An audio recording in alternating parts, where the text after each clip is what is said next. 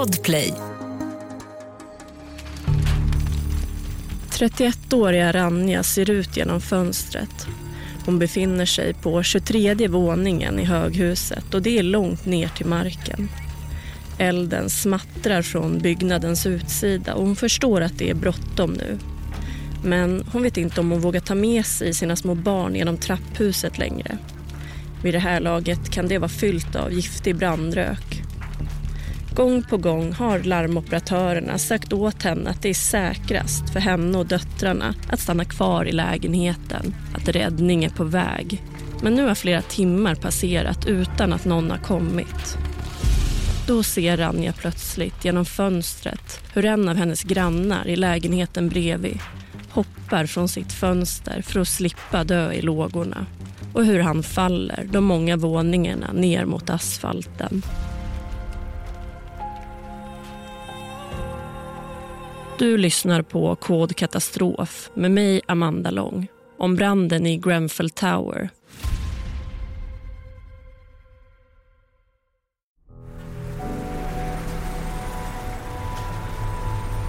Det är den 13 juni 2017 och vi befinner oss i Englands huvudstad London.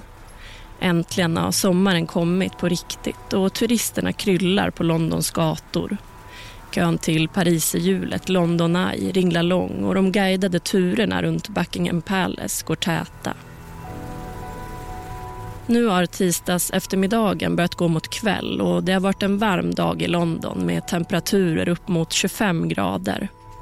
Men kvällsvalkarna börjat lägga sig över stan och en av alla Londonbor som är på väg att gå och lägga sig för att sova det är 44-åriga Behailu Kebede. Han bor på fjärde våningen i ett höghus som heter Grenfell Tower. Den 24 våningar och 67 meter höga byggnaden har stått där i stadsdelen Kensington and Chelsea i mer än 40 år, sedan tidigt 70-tal.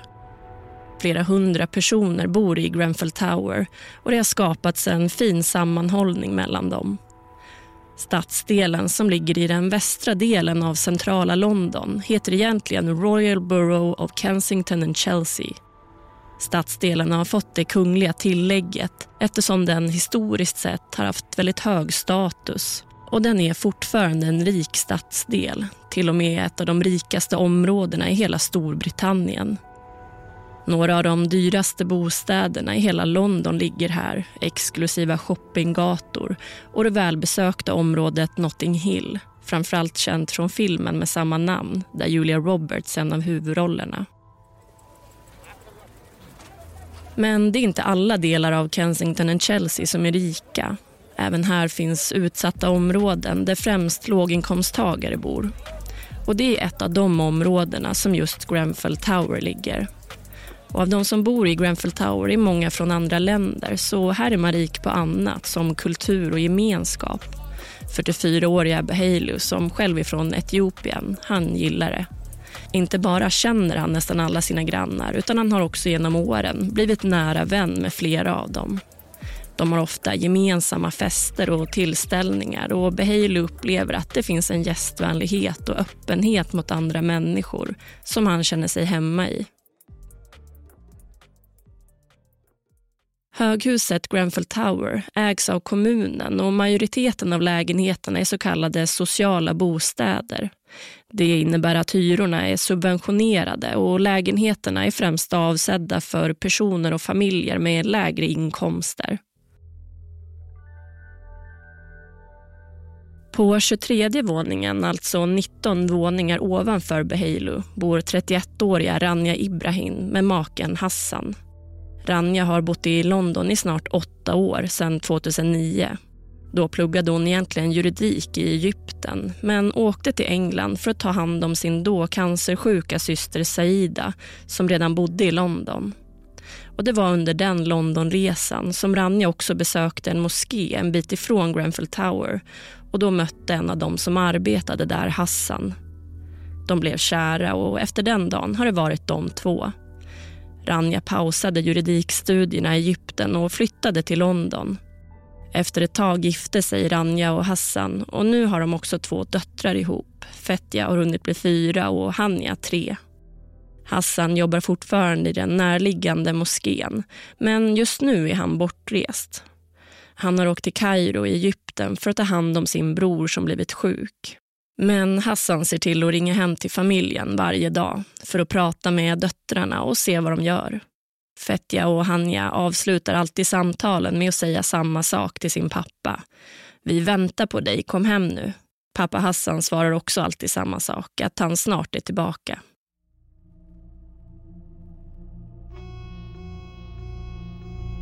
Nu är klockan snart ett på natten när 44-åriga Beheilu, 19 våningar ner, på fjärde våningen, vaknar med ett ryck. Ett konstigt ljud skjuter i hela hans lägenhet och han sitter nu sömndrucket på sängkanten och försöker lista ut var det kommer ifrån. Han väntar några sekunder men det verkar inte vilja avta utan bara fortsätter att pipa. 44-åriga Beheilu reser sig upp. Det verkar komma från köket så han går dit för att öppna köksdörren. Han drar handtaget mot sig men så fort dörren öppnats lite möts Beheilu av en vägg av vit rök. Han ryggar snabbt tillbaka och skjuter igen dörren. Sen går han fram igen och tar tag i handtaget som han upptäcker är svalt. Så han drar emot sig igen och gläntar lite på dörren och kikar in. Röken verkar komma från hans kylskåp. Beheilu stänger dörren igen och skyndar sig att ringa 999, larmcentralen. Fire brigade. Yeah, hello, hi, in the fire, flat 16 Greenfield Tower. Sorry, a fire where? Uh, fl- flat 16 Greenfield Tower. Flat 16. And what's the postcode? Yeah, but can you quick, please? Yeah, would you just, I have to get the address. Okay, Glen, Flat 16 Greenfield Tower, W11 1TG. the fire brigade are on their way. Klockan är nu sex minuter i ett på natten och en larmoperatör svarar. 44-åriga Behailu säger upprört att han tror att det brinner i hans kök. Han säger att de måste skynda sig och skicka en brandbil till Grenfell Tower. Och trots att larmoperatören låter lugn är inte Behailu det. Han vill hellre larma för mycket än för lite. Så när de har lagt på så skyndar han sig att väcka sina rumskompisar. Och dessutom, iklädd bara kalsonger och t-shirt, springer han ut i korridoren och bankar hårt på dörrarna till de andra fem lägenheterna på samma våning. 44-åriga Beheilu veta att byggnaden är designad så att eld inte kan sprida sig mellan lägenheterna. Men av just den här anledningen så finns inte heller något centralt brandalarm i huset och det gör honom nervös. Och utifrån det här finns inte heller någon evakueringsplan för byggnaden utan riktlinjerna kallas för Stay Put Policy.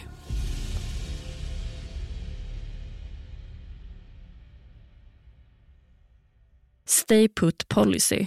Det innebär att alla som bor där, i det fall att en brand skulle bryta ut, ska stanna i sina lägenheter tills det att den är släckt.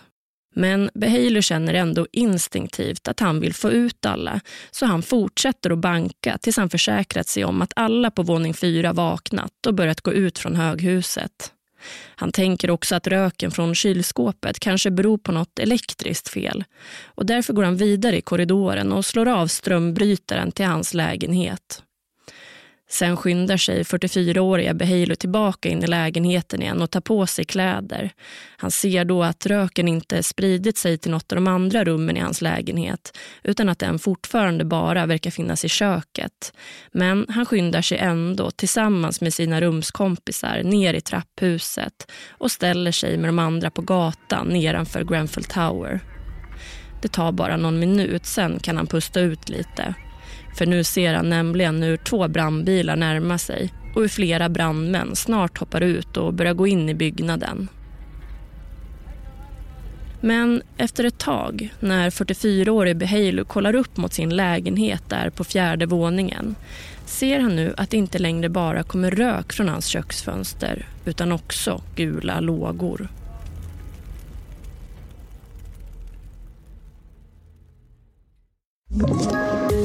Poddtips från Podplay. I podden Något Kaiko garanterar östgötarna Brutti och jag, Davva, dig en stor dos skratt. Där följer jag pladask för köttätandet igen. Man är lite som en jävla vampyr. Man har fått lite blodsmak och då måste man ha mer. Udda spaningar, fängslande anekdoter och en och annan arg rant. Jag måste ha mitt kaffe på morgonen för annars är jag ingen trevlig människa. Då är du ingen trevlig människa, punkt. Något Kaiko, hör du på Podplay. Därför är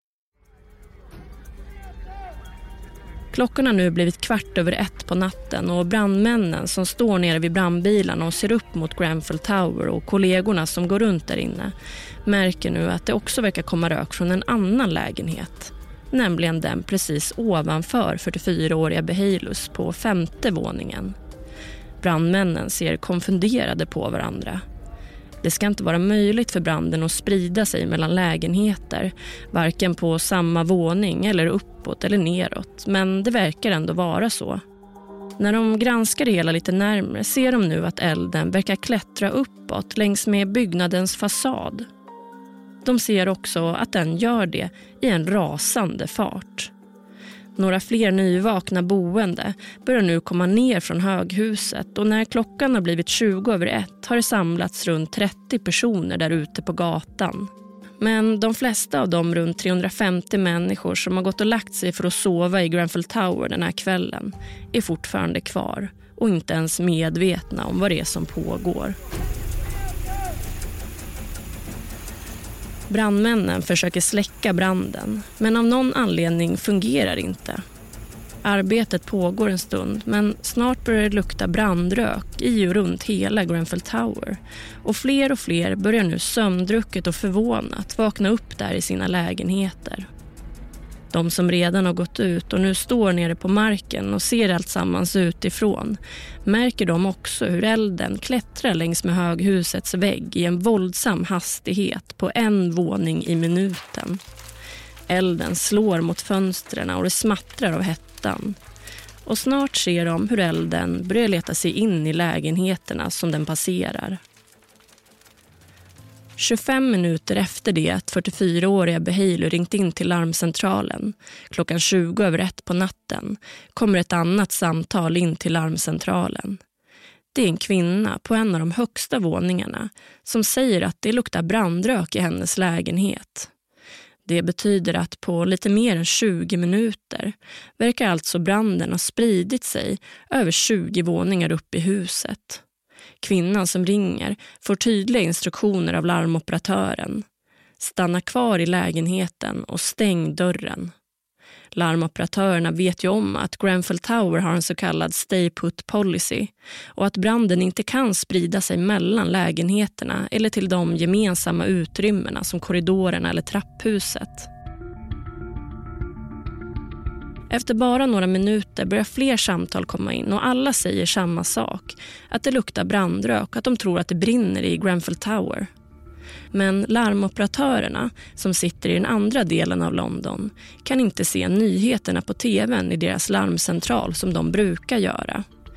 Just ikväll har nämligen tvn slutat fungera.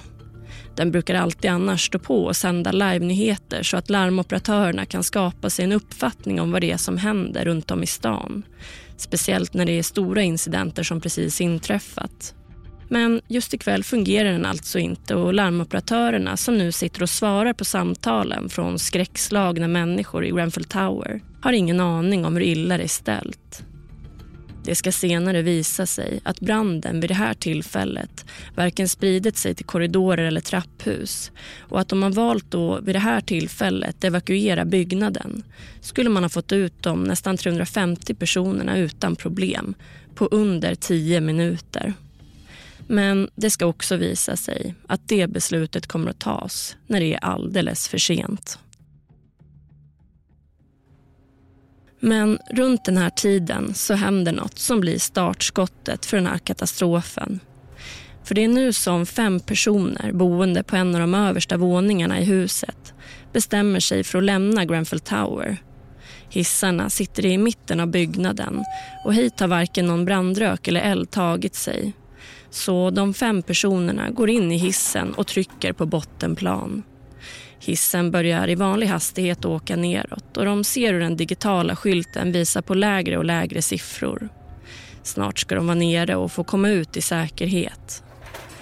Men när hissen kommer till den tionde våningen stannar den plötsligt till. Hissdörrarna börjar öppnas och på bara någon sekund har tjock, mörk och giftig brandrök vält in i det lilla hissutrymmet. Man ska senare förstå att det här är de första personerna som omkommer. Uppe på 23 våningen i höghuset har nu också 31-åriga Ranja och döttrarna vaknat. Ranja har redan ringt in till larmcentralen flera gånger. Hon har precis som många andra förklarat att hon har barn i lägenheten och att de måste ta sig ut.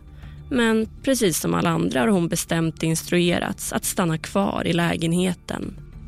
Hon ringer maken Hassan som fortfarande är kvar i Egypten. Men när han nu får höra vad det är som pågår säger han genast åt Ranja att ta med sig barnen och gå ner för trapporna. Ranja ser röken genom fönstret och det hela verkar bara bli värre och värre och gå snabbt.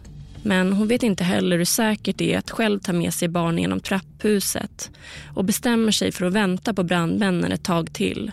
Larmoperatören har ju sagt att de är på väg. Ranja har uppgett sitt lägenhetsnummer och vilka det är som bor där. Systern Saida har fått flera samtal från andra om att det brinner i Grenfell Tower och genast gett sig av från hemmet i en taxi för att åka till Ranja och barnen. Hon ringer systern Ranja som svarar. Men hon får också höra samma sak som Hassan. Att de väntar på att bli räddade av brandmännen, att de har fått deras uppgifter och är på väg. Men precis som Hassan tycker inte Saida att den informationen känns speciellt lugnande. Tiden passerar och Ranja och maken Hassan fortsätter känna att hela tiden ha tät telefonkontakt. De pratar korta stunder för att spara på Ranjas telefonbatteri. I ett av samtalen hör pappa Hassan dottern, femåriga Fetja och hur hon försöker vara stark i den jobbiga situationen. Hon säger att hon inte tänker gråta bara för att det brinner. Jag ska inte gråta för pappa kommer komma och rädda oss, hör han henne säga. Ranja varken vågar eller vet om det är rätt beslut så efter ytterligare några misslyckade försök att övertala henne säger Hassan istället åt henne att lägga blöta handdukar under dörrkarmarna och se till att alla dörrar är ordentligt stängda. Han vet inte vad han ska göra av sig själv och den oro som nu satt sig som nålar i hela hans kropp där på flygplatsen i Kairo. I Grenfell Tower har nu brandmännen dragit sina slangar upp genom korridorerna och kämpar fortfarande febrilt med att släcka branden. Men den vill fortfarande, av någon outgrundlig anledning, inte alls ge sig. Istället verkar den bara ta fart mer och mer och snart börjar den giftiga röken också fylla de gemensamma utrymmena i byggnaden. När klockan blivit 20 i två på natten och 31-åriga Ranja ringt ännu fler samtal till larmcentralen och frågat varför de inte kommer känner hon att hon måste göra något för att visa omvärlden hur illa det egentligen ligger till. Hon börjar därför streama en live-video på sin Facebook-sida där hon genom fönstret filmar hur snabbt branden sprider sig och var de befinner sig. Hon vet att räddningspersonal är på väg men det börjar bli riktigt bråttom nu. I videon syns den rökfyllda himlen utanför och man hör sirener från ambulanser, polisbilar och brandbilar i bakgrunden. Man hör också Ranjas egen röst och hur hon ber om Guds förlåtelse och om att döttrarna och hon ska bli räddade från branden. Någon ropar ut genom ett av fönstren på samma våning. Vi är fast på 23, hjälp oss. Sen ser man hur Ranja vänder sig om och säger åt sina döttrar att vara lugna. Fler börjar nu komma ut från Grenfell Tower, främst de från de lägre våningarna. Och nu står de där allihopa och ser skräckslagna upp mot det brinnande höghuset. Och de ser nu hur elden på en av byggnadens sidor har tagit sig hela vägen upp till taket.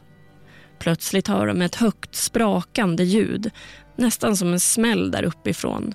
Som om branden har träffat någon slags säkring. Och till sin förtvivlan ser de nu hur elden också börjar klättra ner för de andra tre sidorna av Grenfell Tower. 31-åriga Ranjas syster Saida kommer nu fram till platsen och när hon stiger ur taxin och ser hur illa det är ställt blir hon så chockad att benen viker sig under henne och hon sätter sig ner på marken.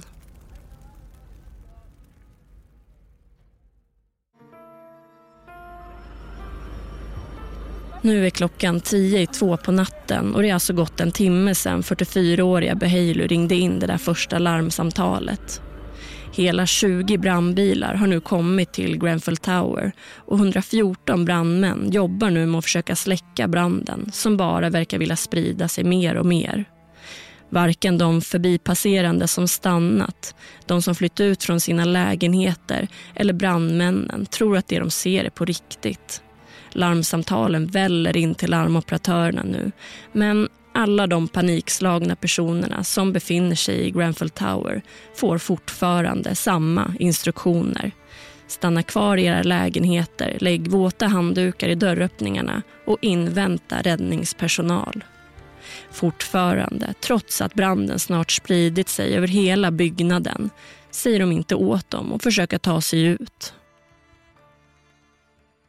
Att larmoperatörerna inte gör det har åtminstone någon förklaring eftersom de inte förstår hur illa det är ställt, även om det är något som senare ska få stark kritik. Men det är något som ska väcka ännu starkare frustration och till och med avsky.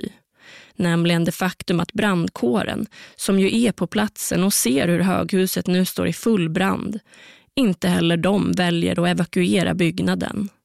Brandmannen som leder operationen är relativt ung och oerfaren och han har bara tränat sig att släcka bränder och i den här typen av hus inte evakuera. Men det är ändå underligt. Några få personer som brandmännen stöter på i byggnaden under sitt släckningsarbete eskorteras ut men man fokuserar inte på att rädda människor utan på att släcka branden. Och det brandkåren på platsen nu gör när operatörerna vidarebefordrar uppgifterna från alla de som ringer in och uppger sina lägenhetsnummer och säger hur många de är som befinner sig där, det är att de skriver ner informationen på lappar och ropar upp den till brandmännen i byggnaden. Problemet är bara att radiokontakten slutat fungera på grund av den kraftiga brandröken i huset. Vissa familjer ringer om och om igen och lämnar samma information till operatörerna utan att någon kommer och hjälper dem. Klockan är 23 när Ranja återigen ringer larmcentralen och får höra samma sak som tidigare. Men hon förstår nu att hon måste göra något om hon ska rädda sina små flickor. Hon vet bara inte vad. Nedanför Grenfell Tower har nu massor av människor samlats och ser skräckslaget upp mot byggnaden. Där människor i panik vinkar och ropar efter hjälp från sina fönster. Många har kommit för att försöka hjälpa sina anhöriga men blir tillbakamotade av polis och räddningstjänst. Några lyckas dock ta sig förbi dem och springa upp i trapphuset för att försöka få ut sina anhöriga. Men de är inte många. När klockan blivit kvart över tre har branden spridit sig över nästan hela byggnaden och det är inte förrän nu, 18 minuter över tre på natten, som brandkåren äntligen tar beslutet att låta evakuera Grenfell Tower. Det är nu två och en halv timme sedan de fick det där första samtalet och mer än två timmar sedan som brandmännen märkte att elden spred sig i en hastighet på en våning per minut. Det råder nu fullständigt kaos både bland de skräckslagna människorna uppe i höghuset och bland de panikslagna anhöriga som står nedanför och väntar på att de de älskar ska komma ner och ut i säkerhet. Människor signalerar om hjälp från sina fönster genom att lysa med ficklampor och mobiler medan flera av dem nu, en efter en, segnar ihop av den giftiga röken eller av värmen från lågorna. Nu börjar också några, i takt med att elden spridit sig in i deras lägenheter och de börjat brännas ordentligt av den, hoppa från sina fönster och falla mot sin död.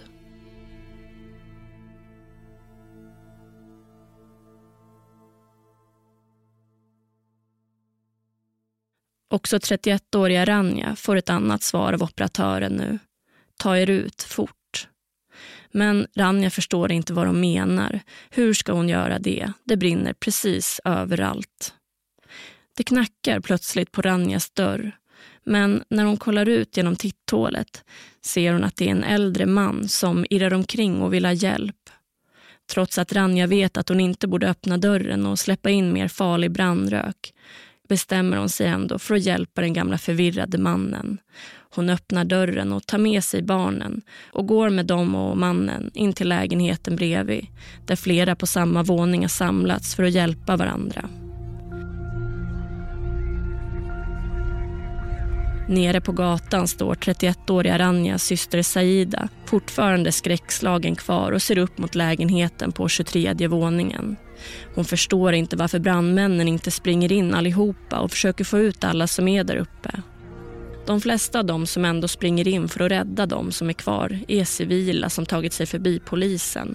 Saida ser hur en man, som hon tror är somalier, kommer springandes bort ifrån moskén i riktning mot Grenfell Towers ingång innan han blir stoppad av polisen. Han får precis som de andra höra att han inte får gå in i byggnaden. Men han sliter sig loss och ropar “Jag bryr mig inte, jag ska in. Ni kan arrestera mig när jag kommer ut”. Sen försvinner han in i höghuset och efter några minuter kommer han ut tillsammans med sina familjemedlemmar. Men de flesta lyckas inte ta sig in. Saida har själv försökt flera gånger och förklarat att hennes syster och de små flickorna fortfarande är kvar där uppe. Inte bara har hon fått noll gehör från polismännen utan också, precis som många andra, fått en hård knuff till marken och kallats otrevliga saker. Dessutom har de sett andra som till och med blivit slagna av polisen när de har försökt ta sig in.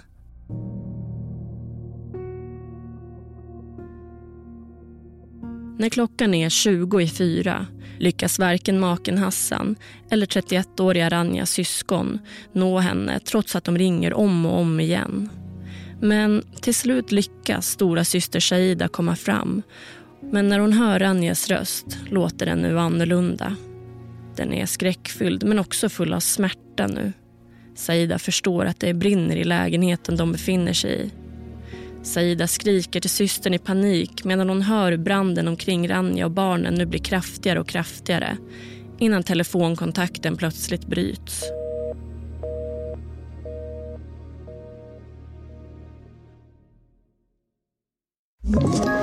Ett poddtips från Podplay. I fallen jag aldrig glömmer djupdyker Hasse Aro i arbetet bakom några av Sveriges mest uppseendeväckande brottsutredningar. Går vi in med hemlig telefonavlyssning och, och då upplever vi att vi får en total förändring av hans beteende. Vad är det som händer nu? Vem är det som läcker? Och så säger han att jag är kriminell, jag har varit kriminell i hela mitt liv men att mörda ett barn, där går min gräns. Nya säsongen av Fallen jag aldrig glömmer på Podplay.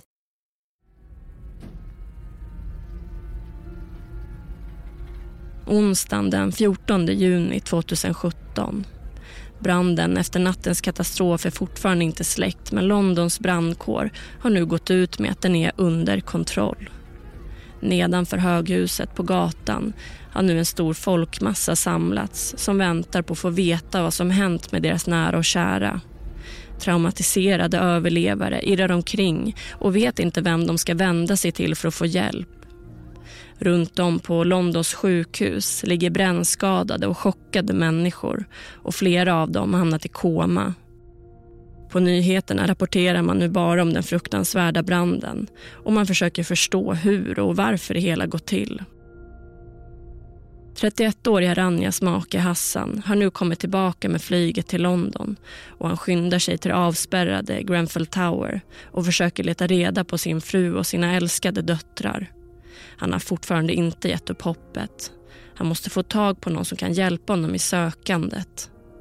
Men det ska visa sig att det är svårare än någon trott att få någon hjälp av myndigheterna.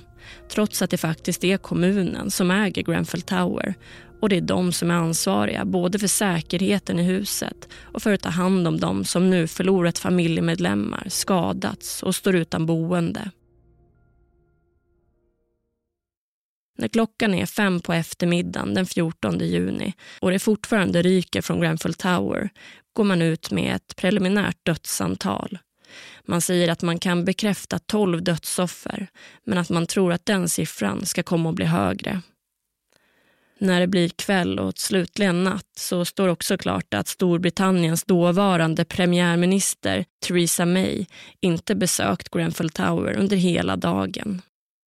Många blir nu upprörda och det faktum att höghuset ju ägs av kommunen och i förlängningen staten verkar inte vara något som varken hon eller någon annan ansvarig bryr sig om.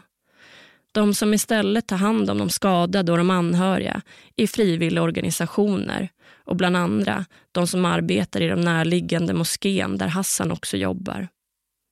Där öppnar man upp sina dörrar för offren och hjälper dem både med att ordna provisoriska boenden och att få tag på mediciner genom att upprätta ett pop-up-apotek.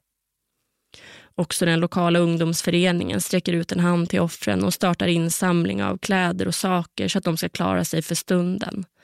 Dagarna går och Hassan vet fortfarande inte vad som har hänt hans familj.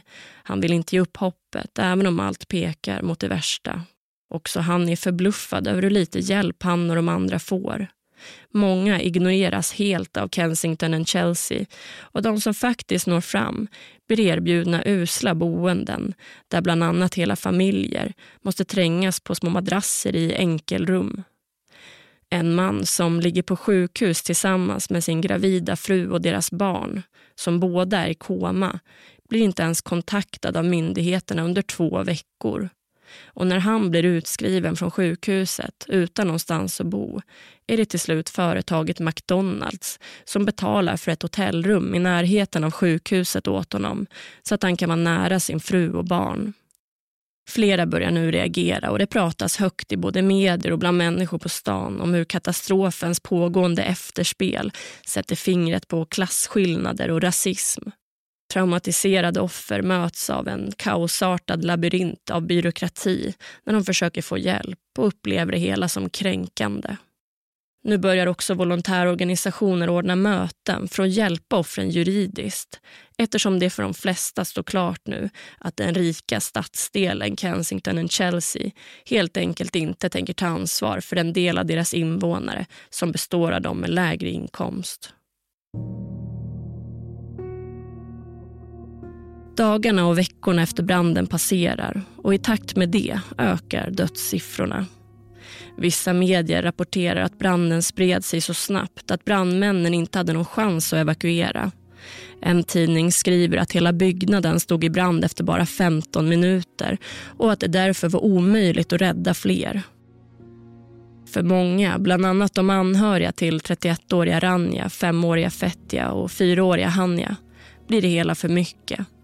De pratade ju med Ranja under flera timmar och att det inte skulle ha funnits någon chans för dem att lämna Grenfell Tower under den tiden eller möjlighet för brandmännen att hämta ut dem, det är en lögn. Tiden efter branden fortsätter att gå och de drabbade känner sig mer och mer svikna av staten och samhället. Och när myndigheterna några veckor efter branden går ut med en ny officiell dödssiffra ställer sig flera kritiska till om den ens stämmer. 44-åriga Behalu som väcktes av sitt brandlarm såg röken från köket och direkt ringde in till larmcentralen. Mår väldigt dåligt efter händelsen. Han kan knappt prata om det som hänt och får hjälp av flera läkare. Flera medier målar inledningsvis ut honom som skyldig till branden. Och trots att Behalu vet att han larmade och att katastrofen inte var hans fel har han svårt att skjuta det ifrån sig till slut ger han en intervju och berättar då allt han minns om natten för han vill visa att han inte döljer något och att han vill hjälpa till. Han lämnar till och med ifrån sig sin telefon till en journalist som får gå igenom allt på den, bilder, samtal och meddelanden. Men det enda som händer efter den intervjun är att han blir jagad av en massa fler journalister och erbjuden stora summor pengar för att tala ut om branden. Han vill inte göra det i något annat syfte än att hjälpa till och trycket från pressen blir så starkt nu att han börjar dra sig undan.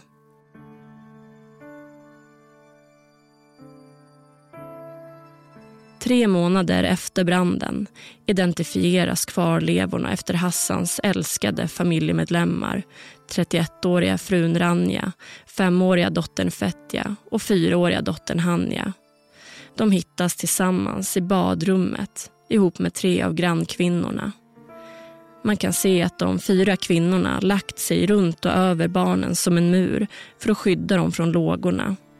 Kropparna är svårt brända och Oranja identifieras endast genom tandvårdsjournaler. Och det ska dröja ett helt år till innan polisen går ut med det slutgiltiga dödsantalet. 72 personer miste livet i Grenfell Tower den där natten till den 14 juni 2017.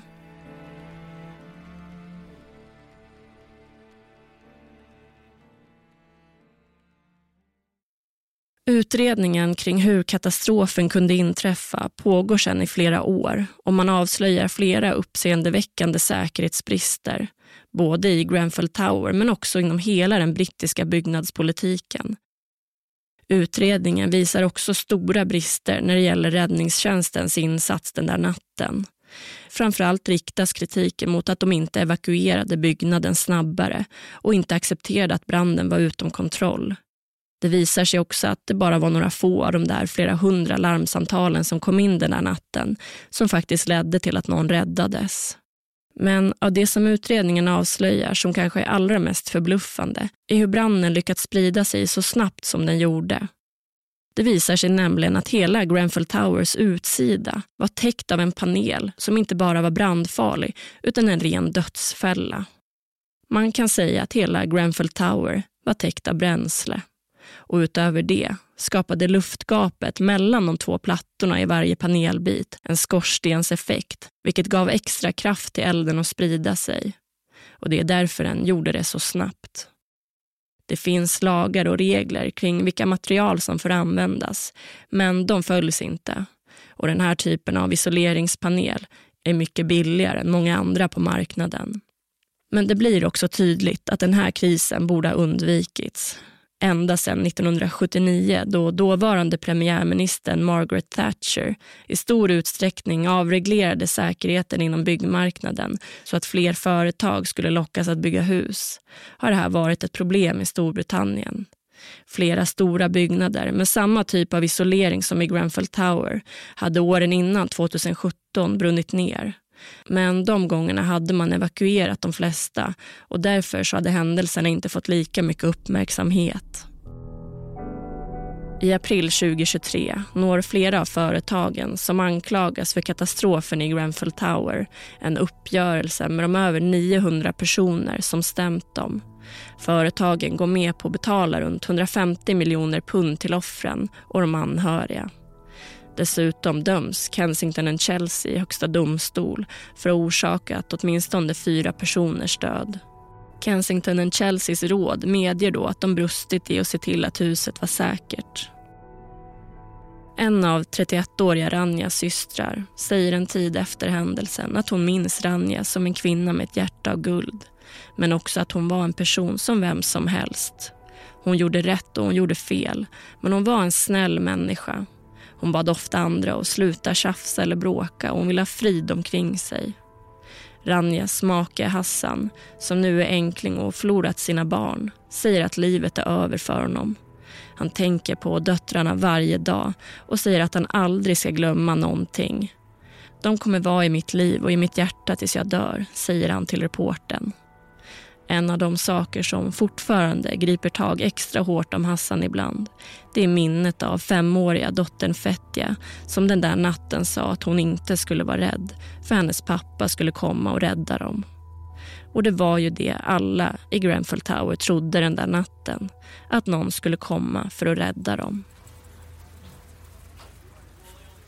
Fortfarande har ingen minnesplats upprättats för de som miste livet i Grenfell Tower Själva höghuset är fortfarande, mer än sex år senare, övertäckt med ett slags täcke för att skydda förbipasserande från gifter från den farliga isoleringen.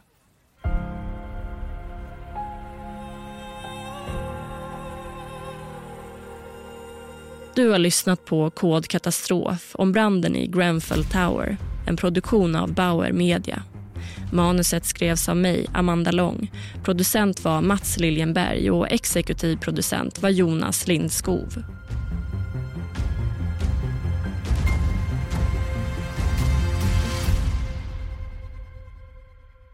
I nästa veckas avsnitt av Kod katastrof får ni höra om USAs dödligaste skolskjutning, massakern på Virginia Tech. Universitetsstudenten, 19-åriga Christina Anderson, skyndar sig upp för trapporna och in i salen. Hon är sen och lektionen har redan börjat så hon smyger in och tar en av platserna längst bak i salen. Men precis när hon har satt sig ner hör hon och alla hennes kursare hur konstiga höga smällar ekar ett efter ett utifrån korridoren